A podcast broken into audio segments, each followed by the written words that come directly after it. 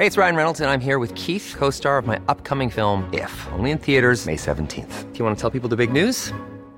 All right, I'll do it. Sign up now and you'll get unlimited for $15 a month in six months of Paramount Plus Essential Plan on us. Mintmobile.com slash switch. Upfront payment of $45 equivalent to $15 per month. Unlimited over 40 gigabytes per month. Face lower speeds. Videos at 480p. Active Mint customers by 531.24 get six months of Paramount Plus Essential Plan. Auto renews after six months. Offer ends May 31st, 2024. Separate Paramount Plus registration required. Terms and conditions apply if rated PG. I'm Sandra, and I'm just the professional your small business was looking for. But you didn't hire me because you didn't use LinkedIn jobs. LinkedIn has professionals you can't find anywhere else, including those who aren't actively looking for a new job but might be open to the perfect role, like me.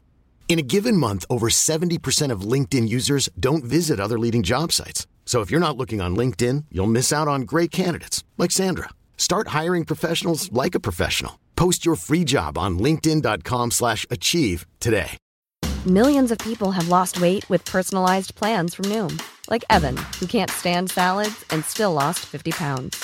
Salads, generally, for most people, are the easy button, right? For me, that wasn't an option. I never really was a salad guy. That's just not who I am. But Noom worked for me. Get your personalized plan today at Noom.com. Real Noom user compensated to provide their story. In four weeks, the typical Noom user can expect to lose one to two pounds per week. Individual results may vary.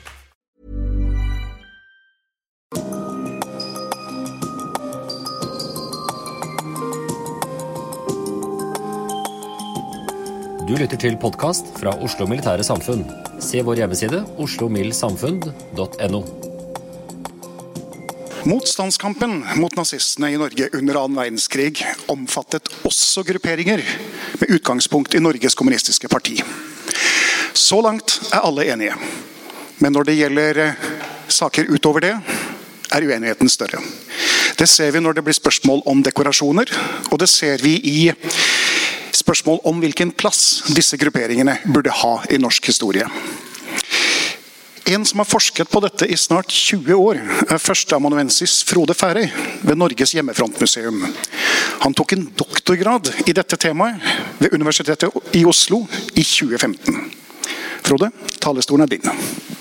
I en eh, lengre rapport fra 1948 om sitt motstandsarbeid under okkupasjonen kom eh, Milorgs leder Jens Christian Hauge inn på hjemmefrontledelsens forhold til den kommunistiske motstandsbevegelsen. Hauge hevdet her at kommunistene over lengre tid førte en politisk kamp mot jeg siterer, hjemmefronten, dens ledere og organisasjoner, slutt, som til sider overskygget striden mot den tyske okkupasjonsmakten. Et nærmest diametralt motsatt påstand var fire år tidligere blitt fremsatt av Peder Furubotn, generalsekretær for Norges kommunistiske parti og de facto leder for den kommunistiske motstandsbevegelsen. I en artikkel som ble publisert i undergrunnsavisen Friheten og den svenske kommunistavisen Ny Dag, uttalte Furubotn at hjemmefrontledelsen hadde innført jeg siterer, politisk unntakelsestilstand og organiserte viskekamper for å drive kommunistene ut av de nasjonale motstandsorganisasjonene. En rekke andre brev og rapporter fra 1942 og frem til våren 1945 befester inntrykket av to rivaliserende hjemmefrontfraksjoner som ikke bare søkte sammen for å bekjempe den felles fienden, men som også konkurrerte om både posisjoner innenfor den organiserte motstandsbevegelsen og om innflytelse over den antinazistiske opinionen i Norge. Hva var grunnlaget for disse motsetningene, og hvor dypt stakk spenningene mellom den autoritative borgerlige og sosialdemokratiske hjemmefrontalliansen på den ene siden, og den opposisjonelle og NKP-dominerte fraksjonen på den andre.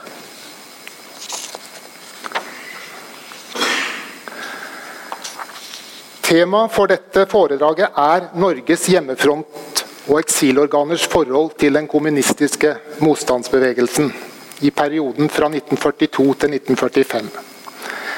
Jeg skal starte med å knytte denne tematikken til den samfunnsdebatten som vi hadde om politisk overvåking på 1980- og 1990-tallet.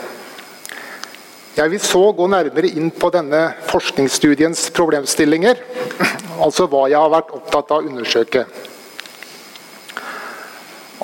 avhandlingen fokuserer på de norske aktørenes strategier for å utvikle den norske motstandskampen.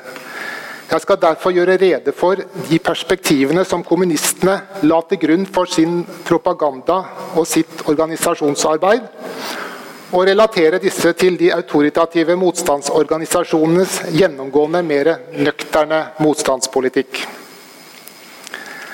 En annen vesentlig konfliktdimensjon var kravet fra kommunistene om representasjon i hjemmefrontledelsen. Jeg vil vise at disse ledelses- og organisasjonsspørsmålene ble en kilde til konflikt som overskygget de rent motstandspolitiske forskjellene. Og Jeg har dernest tenkt å belyse hvorfor disse kommando- og kontrollfaktorene i så vidt stor grad kom til å prege forholdet mellom disse to fraksjonene de to siste okkupasjonsårene. Hvis tiden tillater det, vil jeg til slutt sammenfatte mine vesentlige konklusjoner.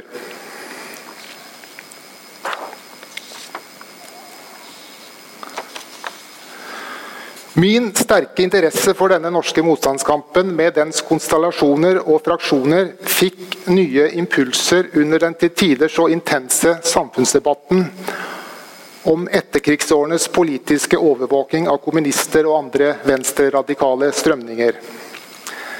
Dette ordskiftet, som særlig dreide seg om overvåkingens opprinnelse, karakter og årsaker, ble beskrevet, analysert og forklart i den kalde krigens kontekst. Og Diskursen fremsto således ganske løsrevet fra okkupasjonstiden og mellomkrigsårenes erfaringer. Etter mitt skjønn manglet denne debatten en sterkere betoning av de kontinuitetsbærende linjer fra disse to forutgående periodene. Som den unge historikeren jeg da var, antok jeg at et utvidet kronologisk perspektiv, som også åpnet for mer sekundære årsaksforklaringer, ville kunne gi rom for en bredere innsikt om det ideologiske og det mer politisk kulturbetingede grunnlaget for den norske antikommunismen. Det er ikke vanskelig å projisere flere trekk ved det indre fiendebildet vi kjenner igjen fra etterkrigstiden, tilbake til okkupasjonsårene og de negative relasjonene som utviklet seg mellom ledende og opposisjonelle aktører innenfor den norske motstandsfronten.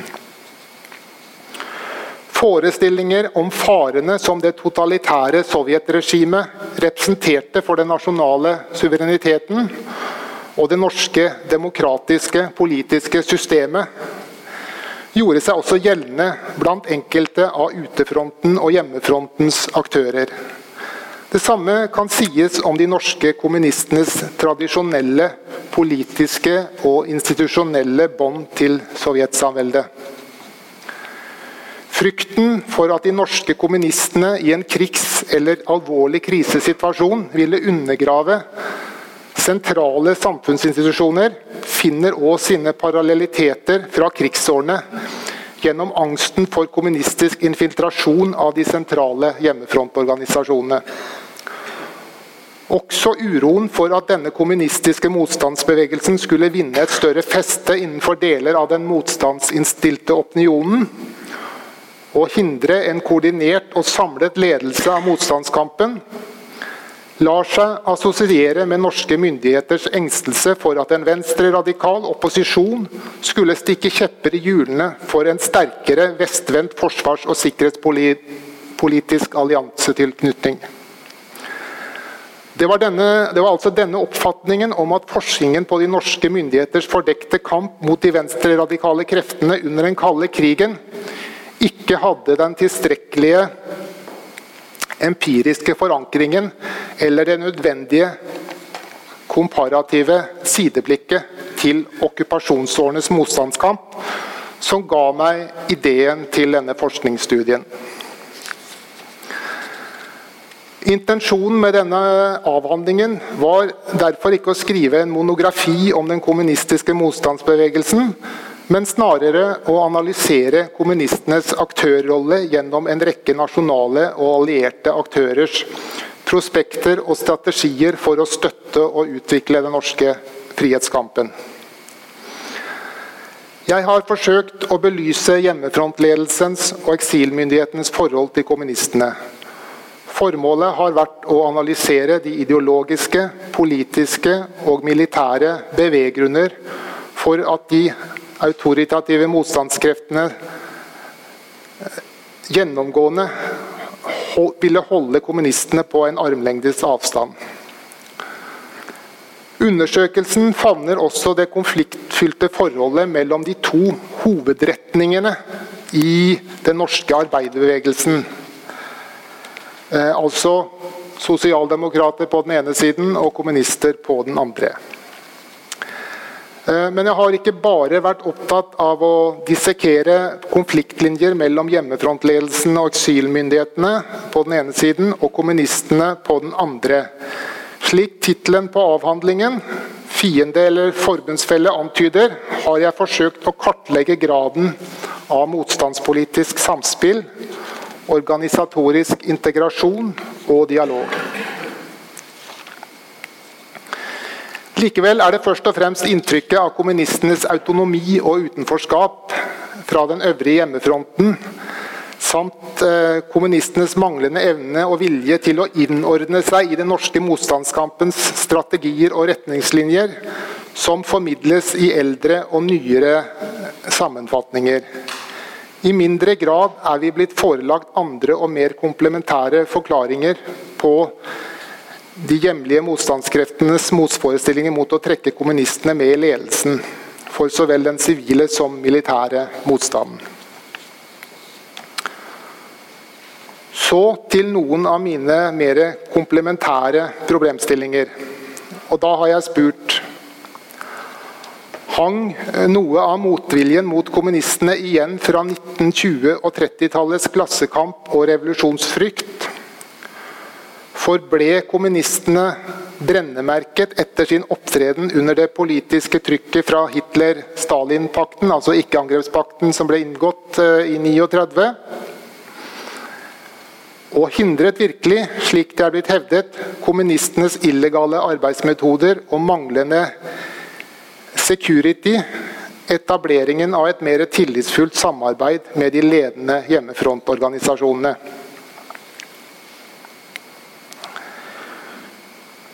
Eller skyldes den manglende tilliten først og fremst NKPs aktivistiske krigspropaganda og den krasse kritikken som partiet rettet mot de mer ansvarlige motstandskreftene de to siste okkupasjonsårene.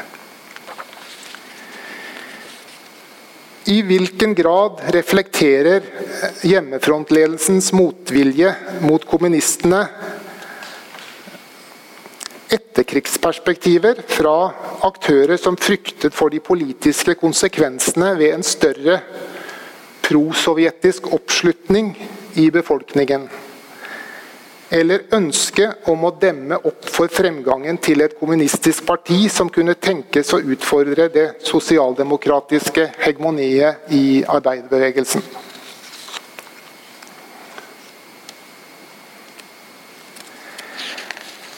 De viktigste spørsmålene slik jeg vurderer det, dreier seg imidlertid om retningslinjene for den norske motstandskampen. Hvor viktig var de motstandspolitiske skillelinjene mellom de to fraksjonene kontra de organisatoriske og operative utfordringene, eller det vi med andre ord kan betegne som kommando-kontrollfaktorene?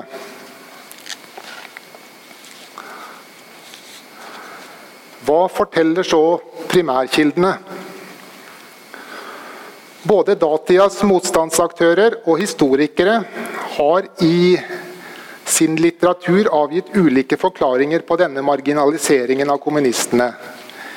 De mer samtidige vurderingene av kommunistene finner vi imidlertid i rapporter til norske myndigheter i Sverige og Storbritannia eh, under krigsårene, i korrespondansen mellom ulike instanser på hjemme- og utefront, og i brev og notater som utgikk fra forskjellige norske og allierte aktører på utefronten. Her dominerer ofte de negative vurderingene. Kommunistene karakteriseres som uansvarlige, illojale, ekstremister og rabelister.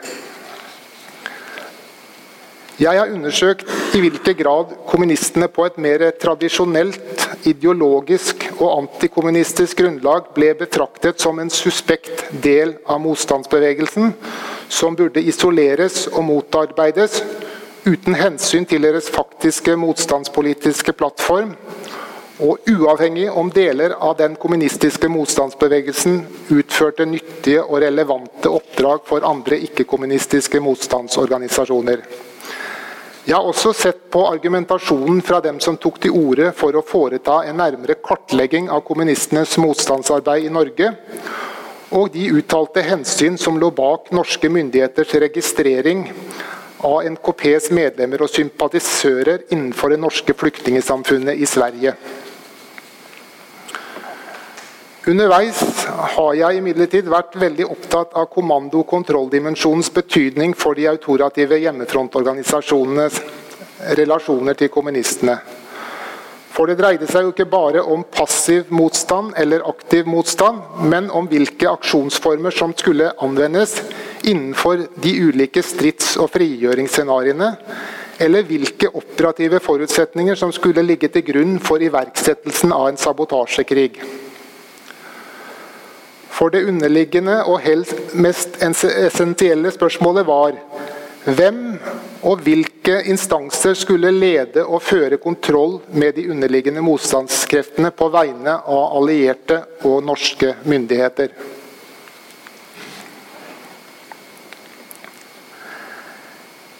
En sektor av hjemmefronten som jeg har vært særlig interessert i, er arbeiderbevegelsen. Og av de organisasjoner, institusjoner og sektorer som inngår i denne relasjonsstudien, har jeg funnet det påkrevd å vie den delen særlig eh, interesse og se på det ambivalente forholdet mellom eh, sosialdemokrater og kommunister. Det er flere grunner til at jeg har valgt å behandle dette feltet som en egen og mer separat del av forskningsstudien. For det første framsto arbeiderbevegelsen som en egen sosial og politisk arena for holdningskampen eh, som ble ført mot Nasjonal Samling, med særlig innretning eh, mot den nazifiserte fagbevegelsen. Fra årsskiftet 1941-42 og frem til frigjøringen i mai 1945 sto denne delen av holdningskampen under ledelse av Det faglige utvalg, som var LOs illegale sentralledelse. Selv om utvalget formelt var underlagt den sivile hjemmefrontledelsen og tidvis sto under en viss innflytelse fra en engere krets av arbeiderpartiledere, fungerte utvalget i realiteten som en autonom, overordnet ledelse for hele arbeiderbevegelsens holdningskamp. For det andre hadde de to ideologiske hovedretningene kommunister og sosialdemokrater et felles politisk, organisatorisk og sosialt opphav som skrev seg tilbake til fremveksten av arbeiderbevegelsen på slutten av 1800-tallet. For det tredje hadde forholdet mellom norske sosialdemokrater og kommunister mer eller mindre vært fylt av rivalisering og konflikter enn av dialog og samarbeid siden partisplittelsen i 1923. For det fjerde bar de sosialdemokratiske hjemmefrontledernes forhold til kommunistene preg av sterk mistillit gjennom hele okkupasjonen. Dette til tross for at Arbeiderpartiet og kommunistpartiets fagforeningsledere tidlig hadde innledet et uformelt samarbeid for å isolere de NS-vennlige kreftene i fagbevegelsen. Et topptungt utvalg av fagforeningsledere fra de to arbeiderpartiene hadde også blitt enig sommeren 1941 om å opprette felles illegale organer for fagbevegelsen, som skulle tre i funksjon fra det øyeblikk den forventede nazifiseringen av LO var et faktum. Og For det femte var NKP og de kommunistiske motstandslederne helt ubeskrevne blad for de borgerlige hjemmefrontlederne. Det var de sosialdemokratiske eh, motstandslederne som hadde kunnskaper om kommunistpartiet og dets ledere. Det var også disse som først fikk føling med de kommunistiske motstandskreftene, og som derfor på et langt tidligere tidspunkt enn de borgerlige hjemmefrontlederne fikk mer inngående kjennskap til eh, kommunistpartiets motstandspolitiske agenda. Hva så med de motstandspolitiske divergensene mellom regjeringen, dens fagmyndigheter og de autoritative hjemmefrontorganisasjonene på ene siden, og NKP på den andre? Hvor store og fundamentale var egentlig disse forskjellene? Frem til våren 1943 hadde de mer eh, politisk betonte manifestene til kommunistpartiet primært vært myntet på en begrenset krets av egne folk. Og dernest, men da i en langt mer moderert og tilpasset form, eh, vært sendt til regjeringen og kretser som partiledelsen antok sto i forbindelse med norske myndigheter. Foruten sine ambisiøse mål for motstanden målbar disse skriftene også et ønske om å utvikle en tettere politisk eh, interaksjon mellom den sivile og militære motstanden. Og mellom den asymmetriske frihetskampen i det tyskokkuperte Norge og den konvensjonelle krigføringen utenfor. Men la oss starte med den sivile motstandssektoren. Hva skilte den kommunistiske motstandspolitikken fra den holdningskampen som de sivile hjemmefrontlederne forfektet? Om vi tar utgangspunkt i perioden fra 1942 og frem til våren 1943, er det særlig to ting vi kan bite oss merke i. Den største og mest iøynefallende forskjellen var det overordnede motstandspolitiske perspektivet den sivile motstanden burde ifølge kommunistene ikke avgrenses til en kamp mot nazifiseringen av det norske samfunnet, men den måtte utvikles slik at den også fikk en brodd mot den tyske okkupasjonsmakten. I dette lå først og fremst et ønske om å hindre tysk utnyttelse av norsk arbeidskraft til alle former for produksjon som kunne betraktes som et håndslag til Tysklands evne til å føre krig samt dernest å undergrave det tyske okkupasjonsregimets forvaltning og virksomhet i Norge på andre og mer intrikate måter. På det organisatoriske området agiterte kommunistene for å utvikle sentrale, regionale og lokale organer på tvers av yrker og samfunnslag, noe som forutsatte en langt tettere og dypere organisering av motstanden enn det de sivile hjemmefrontlederne fant hensiktsmessig og tilrådelig. Våren 1942 forsøkte kommunistene uten syndelig hell, men med betinget støtte fra den daværende illegale LO-ledelsen, å spre faglige paroler til de fagorganiserte som oppfordret til boikott av alt tyskerarbeid. Imidlertid ble denne linjen prompte imøtegått av DNAs illegale sentralledelse, altså Arbeiderpartiet, som hevdet at disse bestrebelsene representerte en uansvarlig og aktivistisk linje.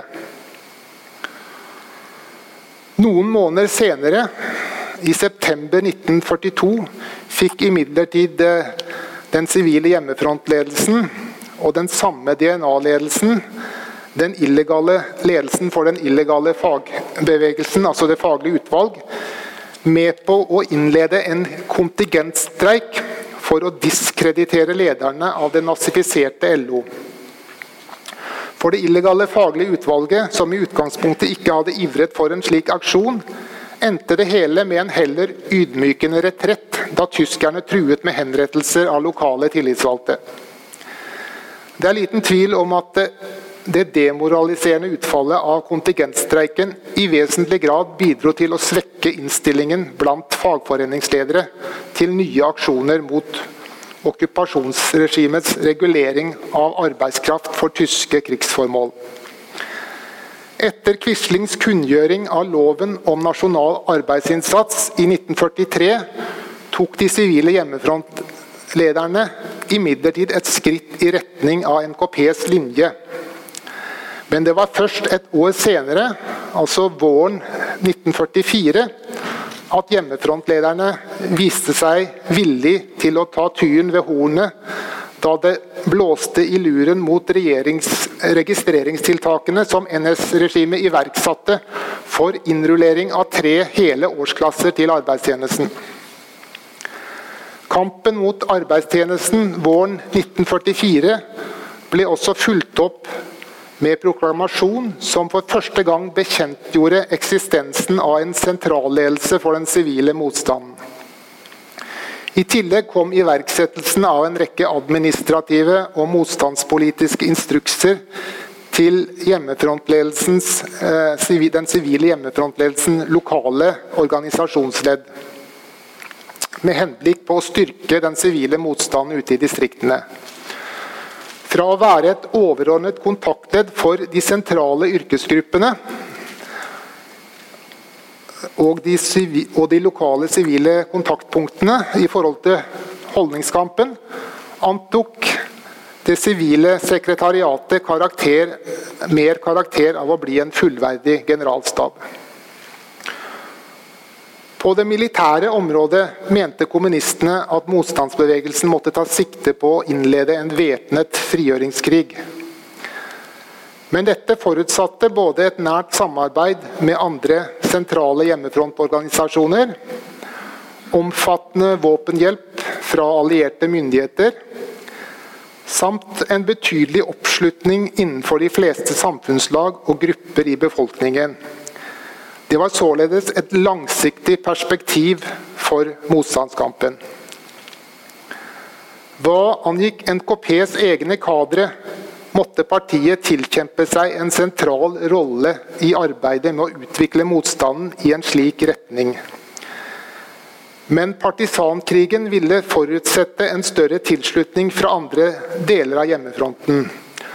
Og det var ikke en krig som kommunistene kunne utløse på egen hånd.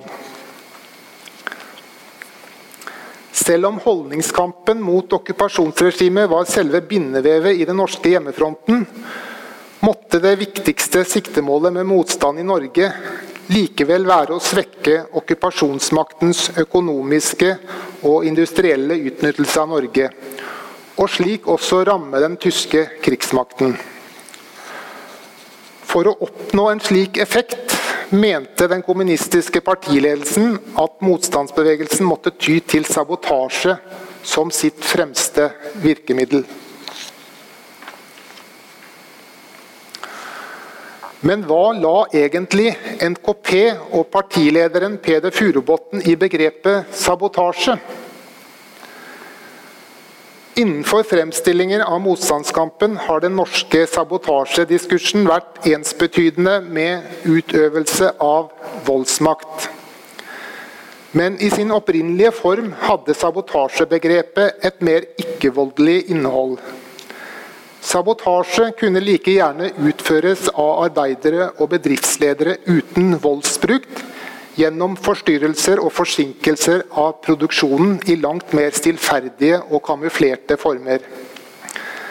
En sprengningsanlegg med væpnede sabotører. Og om arbeiderne forlot sine tyskeranlegg og dro hjem for å søke annet arbeid, ville det selvsagt utgjøre en demonstrativ og risikabel aksjonsform. Men like fullt uten bruk av vold. Våren 1942 synes åpenbart Furubotn å ha hatt stor tro på at slike ikke-voldelige aksjonsformer skulle kunne utløses i bredere skala innenfor bedrifter og større anleggsplasser. Disse forhåpningene viste seg snart å være urealistiske. Dersom det hadde lyktes å utløse dem blant de fagorganiserte arbeiderne, er det ikke vanskelig å tenke seg at denne ikke-voldelige sabotasjen ville hatt større effekt enn, noen enn hva noen fåtallige sabotører kunne klare med sprengstoff. Men frykten for at det tyske okkupasjonsregimet ville knekke slike streike- og boikottaksjoner gjennom nye massehenrettelser og arrestasjoner, var åpenbart for stor, også blant NKPs egne tilhengere.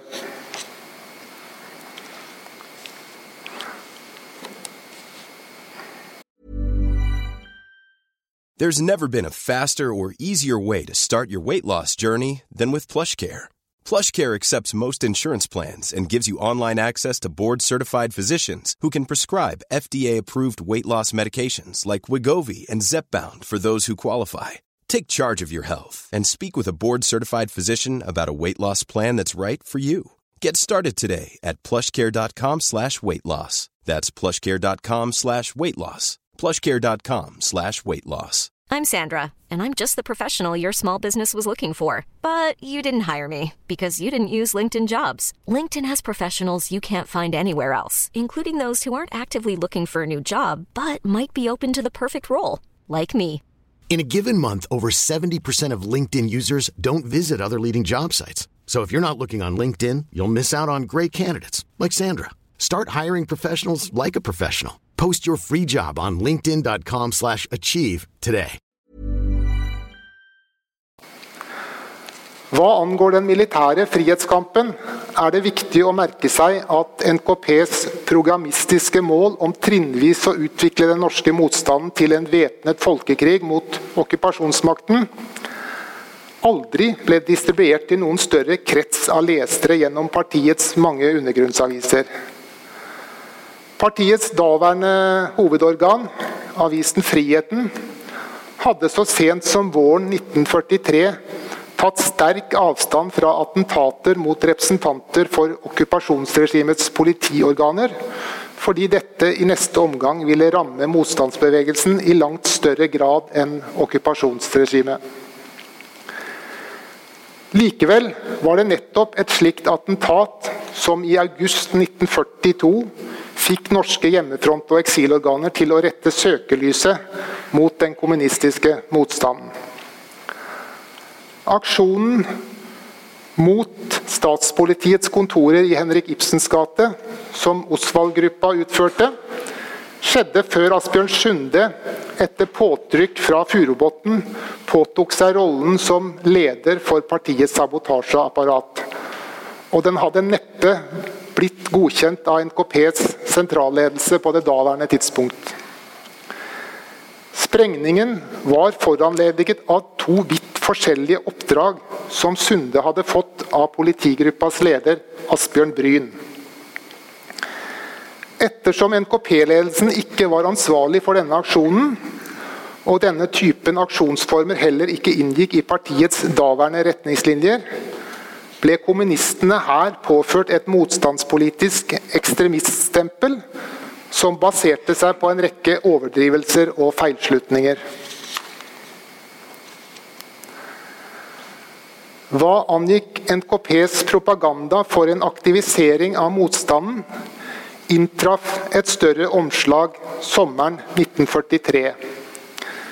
Denne omleggingen var en del av en overordnet strategi for å øke oppslutningen om partiets politikk. NKP-ledelsen søkte nå å profilere seg som en selvstendig fraksjon av hjemmefronten og fremme en mer offensiv motstandspolitikk. Disse endringene ga seg utslag i en mer aktivistisk retorikk i partiets aviser. Og for, gjennom fornyelse anstrengelser på å utvikle partiets sabotasjeapparat, som var blitt avbrutt av arrestasjoner senhøsten 1942. Fra sensommeren 1943 utførte partiets sabotasjeorganisasjon, i første rekke Osvald-gruppa, flere anslag mot jernbanelinjer og kraftledninger. Med dette eh, anså ikke lenger NKP sabotasjen primært som et økonomisk eh, og militært virkemiddel, men vel så mye som et politisk verktøy. For kommunistene antok at sabotasjehandlinger ville kunne bidra til økt oppslutning om partiets krigspolitikk, og i neste omgang utvikle den norske motstanden i retning av mer total krig mot okkupasjonsregimet. Vi kan derfor si at NKPs propaganda og sabotasjepolitikk sto i et symbiotisk forhold til hverandre. Men partiledelsen argumenterte også for at en slik aktivisering av motstanden ville styrke den pågående holdningskampen, som langt flere enn kommunistene nå mente var havnet i en bakevje.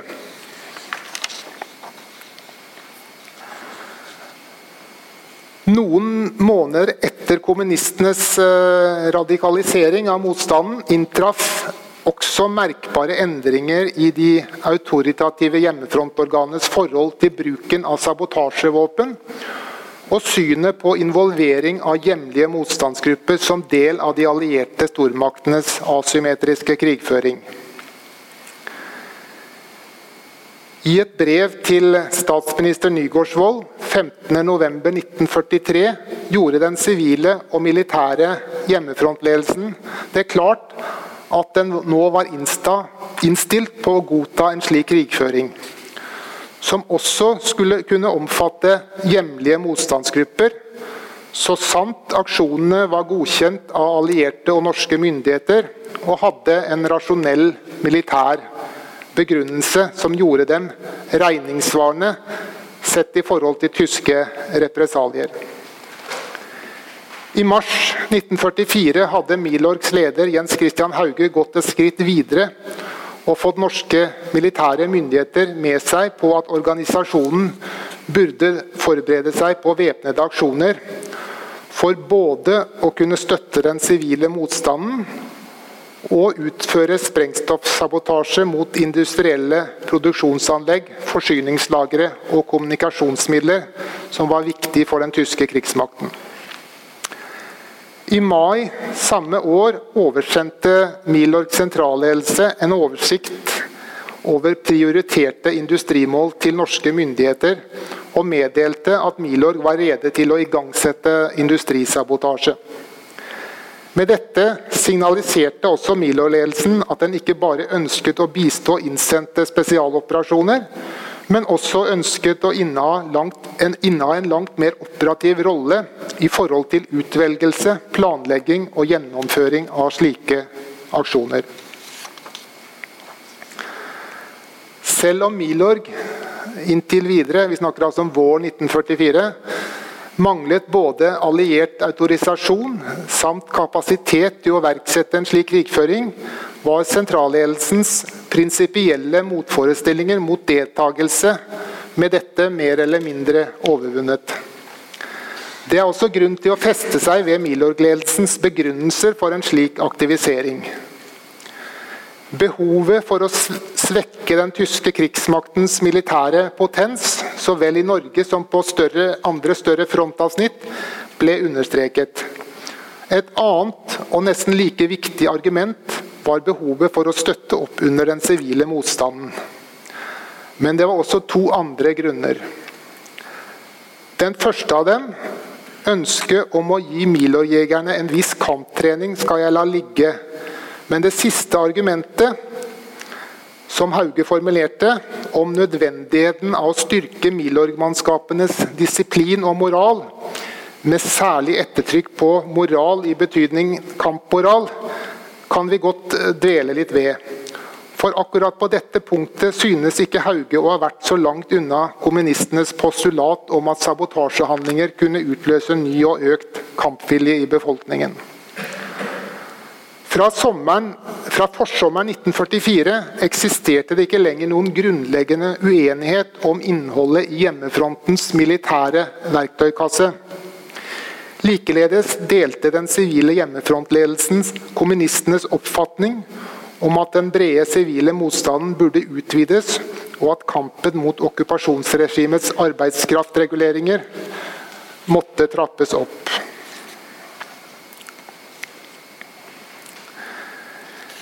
De motstandspolitiske forskjellene mellom de autoritative hjemmefrontkreftene og kommunistene hadde ikke på noe tidspunkt vært mindre. Årsaken til at hjemmefrontledelsen fortsatt ikke ville holde ville, årsaken til at hjemmefrontledelsen fortsatt ville holde kommunistene på en armlengdes avstand, lå derfor ikke primært på et politisk eller ideologisk plan knyttet til den norske motstandskampen. Så skal jeg gå videre og si litt om eh, kommunistenes krav til eh, representasjon i hjemmefrontledelsen. Som jeg allerede har antydet, tok NKP-ledelsen flere initiativ for å utvikle et mer formalisert og institusjonelt samarbeid med andre sentrale motstandsaktører på et overordnet nasjonalt nivå. I 1942 og i 1943 søkte partiet ved flere anledninger å tilskynde en viss utvikling gjennom brev og samtaler med representanter for hjemme- og utefronten.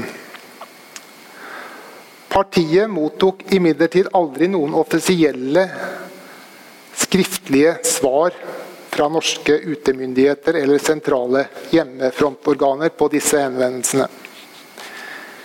Imidlertid synes det klart at slike problemstillinger ble drøftet på et mer uformelt grunnlag med representanter for den militære hjemmefrontledelsen sommeren og høsten 1942, da kommunistpartiets militære leder Ragnar Solli forhandlet med Knut Møyen og Jens Christian Hauge om sammenslåing av partiets militære grupper eh, med Milorg.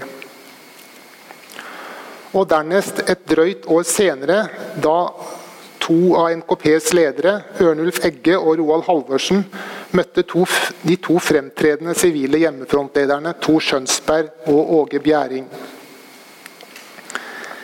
Etter møtet med kommunistene i slutten av oktober 1943 ble spørsmålet om NKP-representasjon luftet med en rekke andre sentrale hjemmefrontledere.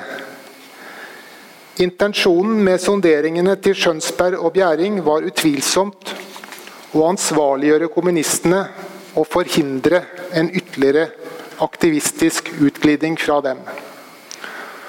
Men noen videre dialog omkring denne strategien synes ikke å ha forekommet, ettersom forslaget om å slippe til NKP strandet på bastante motforestillinger fra Arbeiderpartiets representanter i den sivile og militære hjemmefrontledelsen. Dette vetoet må vi først og fremst tilskrive det tradisjonelle fiendskapet og, fortsatt, og det fortsatt pågående konkurranseforholdet mellom de to ideologiske retningene i arbeiderbevegelsen. At NKP ble avskåret fra representasjon i den norske motstandsbevegelsens sivile og militære lederorganer, skyldes ikke primært partiets motstandspolitikk, men var snarere et utslag av den tradisjonelle maktkampen mellom sosialdemokrater og kommunister innenfor arbeiderbevegelsen. Dette representasjonsspørsmålet må på sett og vis ha fremstått som en gordisk knute for hvordan skulle kommunistene tøyles når de ikke kunne tas inn i varmen? Pengeoverføringer og uformelle samarbeidsordninger innenfor avgrensede sektorer av motstandsbevegelsen kunne kanskje hatt en viss effekt.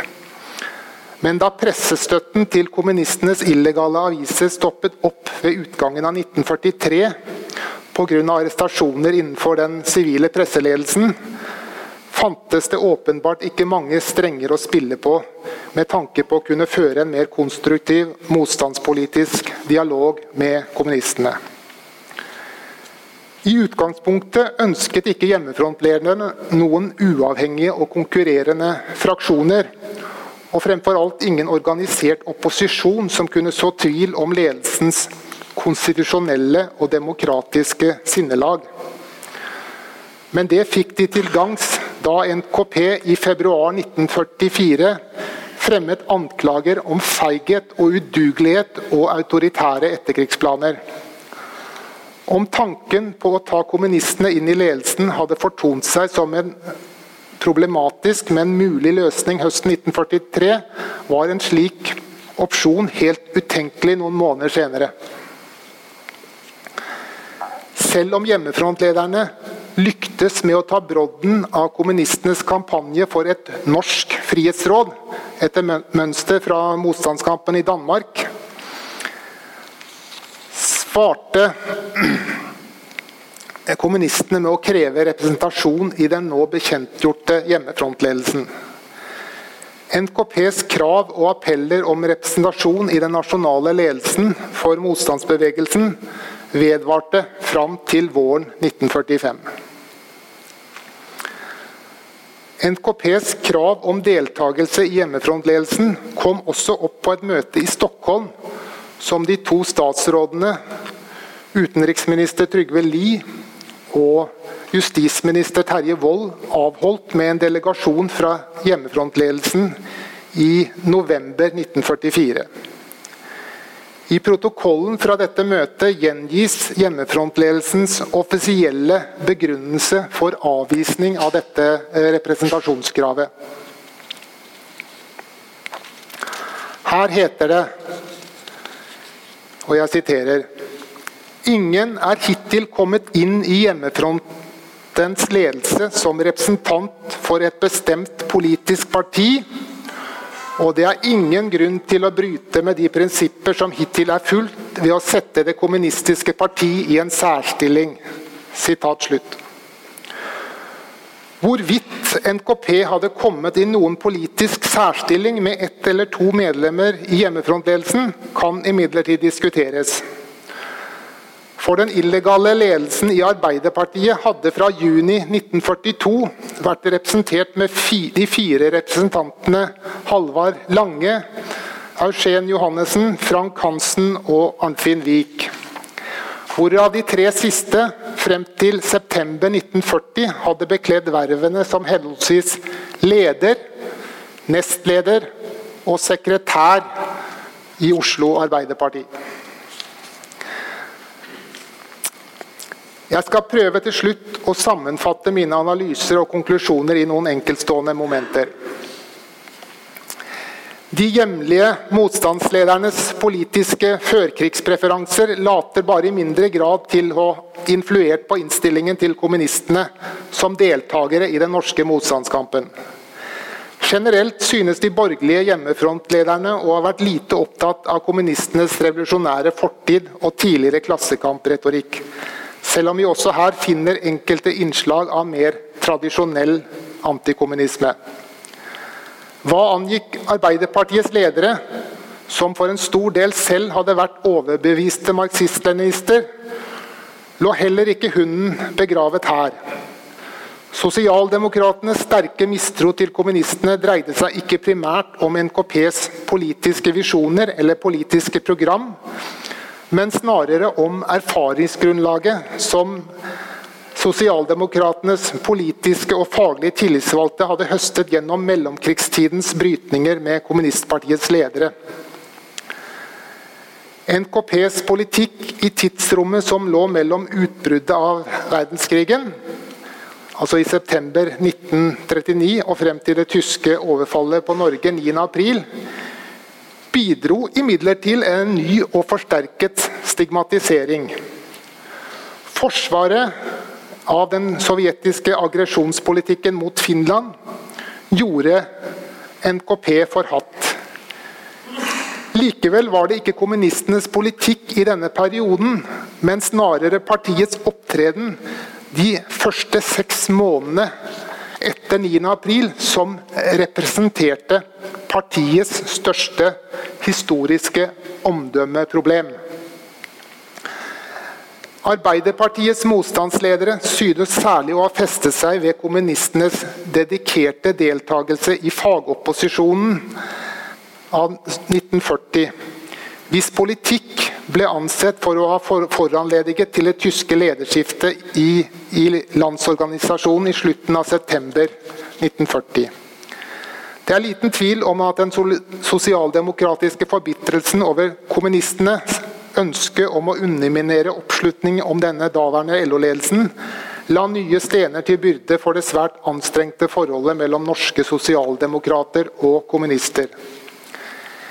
Heller ikke innenfor borgerlige hjemmefrontkretser kan NKPs utilslørte politiske og konstitusjonelle angrep på regjeringen og Stortinget etter 9.4, samt partiets påfølgende agitasjon for en fredsavtale med Tyskland, ha gått under radaren.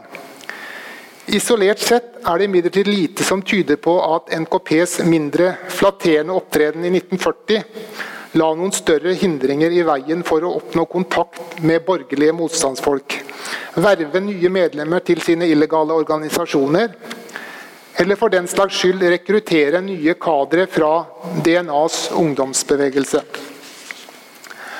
Blant de borgerlige hjemmefrontaktørene er det også vanskelig å se at NKPs tradisjonelle politiske og organisatoriske bånd til Sovjetunionen i noe større, noen større grad influerte på holdningene til den kommunistiske motstandsbevegelsen. De sosialdemokratiske hjemmefrontledernes aversjoner mot kommunistenes bindinger til Sovjet bunnet ikke i tradisjonell russerfrykt, men må snarere tilskrives NKPs instrumentelle rolle som kominternorgan og NKP-kadrenes blinde lojalitet til sovjetiske partiinstanser. Hos politikere og byråkrater på utefronten synes imidlertid vurderingen av kommunistenes undergrunnsvirksomhet å ha hatt sterkere koblinger til engstelsen for, for en sovjetisk ekspansjonisme etter krigen. I London-regjeringen og blant ledende sosialdemokratiske statsråder var russerfrykten så vidt påtakelig at den ble registrert og kommentert på alliert hold. Men denne uroen for en sterkere sovjetisk involvering i den pågående motstandskampen i Norge ble neppe utslagsgivende for hjemmefrontorganets avgrensninger til den kommunistiske motstandsbevegelsen. Det mer klassiske spion- og femtekolonnestempelet som kommunistene allerede var blitt påført gjennom sin prosovjetiske opptreden høsten 1939 og vinteren 1940, finner vi også enkelte spor av innenfor motstandsbevegelsen under okkupasjonen. Men slike forestillinger synes likevel ikke å ha hatt noen fremtredende plass innenfor den sivile og militære hjemmefrontledelsen. De borgerlige hjemmefrontlederne ville gjerne bidra til utformingen av et politisk fellesprogram som kunne bli utgangspunkt for politisk konsens om de økonomiske og sosiale gjenreisingsoppgavene for etterkrigstiden. Men de fleste av dem synes å være lite opptatt av det parlamentariske og partipolitiske grunnlaget for denne politikken. Borgerlige hjemmefrontledere later i sin alminnelighet heller, vært, heller, ikke til å ha vært syndelig bekymret for at de første stortingsvalgene etter frigjøringen kunne bane vei for et stort eller mellomstort pro-russisk arbeiderparti. For DNAs politiske og faglige ledere representerte krigsårene en forlengelse av partiets kamp for å bekjempe og isolere kommunistpartiet. Men DNA-ledernes uro for utviklingen av det innbyrdes styrkeforholdet mellom de to partiene etter okkupasjonen dreide seg i vesentlig grad om hegemoniet i arbeiderbevegelsen og om maktposisjoner innenfor fagbevegelsen. Usikkerheten forbundet med oppslutningen om Arbeiderpartiet på andre innenrikspolitiske arenaer etter frigjøringen handlet i første rekke om konkurransen med de borgerlige partiene. Flere sentrale hjemmefrontaktører som Jens Christian Hauge og Tore Gjelsvik har i senere fremstillinger hevdet at kommunistene angivelig manglende omtanke for sikkerheten, både i den daglige utøvelsen av sin egen virksomhet og i forhold til deres forbindelser med andre hjemmefrontorganisasjoner, i vesentlig grad bidro til å innskrenke de autoritative hjemmefrontkreftenes vilje til å samarbeide med kommunistene. Det er riktig at sikkerhetsvurderinger var et tungtveiende aspekt ved utførelsen av det individuelle og kollektive motstandsarbeidet. Det er heller ingen tvil om at større anslag mot bestemte organisasjoner eller sektorer av motstandsbevegelsen la hindringer i veien for videre interaksjon og trolig bidro til større skepsis vis-à-vis -vis kommunistene. Med et mulig unntak for Milorg-ledelsen høsten 1943 og NKPs representasjon i den illegale ledelsen av fagbevegelsen, er det imidlertid lite som tyder på at hensynet til sikkerheten var utslagsgivende for de autoritative hjemmefrontorganisasjonenes vegring mot å trekke kommunistene med i ledelsen. Da er vi snart igjennom. Kort oppsummert viser denne avhandlingen at de autoritative eksil- og hjemmefrontorganenes problematiske forhold til kommunistene ikke først og fremst handlet om relevante eller irrelevante strategier for motstand i Norge, men snarere dreide seg om kontroll og ledelse av den hjemlige motstandsbevegelsen. Vi kan godt si at hjemmefrontledelsens konflikter med den kommunistiske motstandsbevegelsen bar preg av å være en, en krig i krigen. I hvert fall om vi legger de mest turbulente vinter- og vårmånedene av 1944 til grunn. Men om vi ser kampen mot okkupasjonsregimet i et mer vidstrakt og kronologisk perspektiv, og trekker linjene frem til frigjøringen i mai 1945, fremsto ikke kommunistene som noen fiende i ordets egentlige betydning, men mer som en brysom alliert. I løpet av ettervinteren og våren 1945 synes engstelsen for at kommunistene ville legge kjelker i veien for en bredere oppslutning om hjemmefrontledelsens paroler, og har fortatt seg merkbart. Innenfor hjemmefrontledelsen og i regjeringen hersket det heller ikke noen tvil om at NKP stilte seg bak frihetskampens overordnede mål om konstitusjonell og politisk restaurasjon av det norske førkrigssamfunnet. Med sine organisasjoner disponerte kommunistene et sett med ressurser som både den sivile og militære hjemmefrontledelsen ønsket å kunne trekke visse veksler på.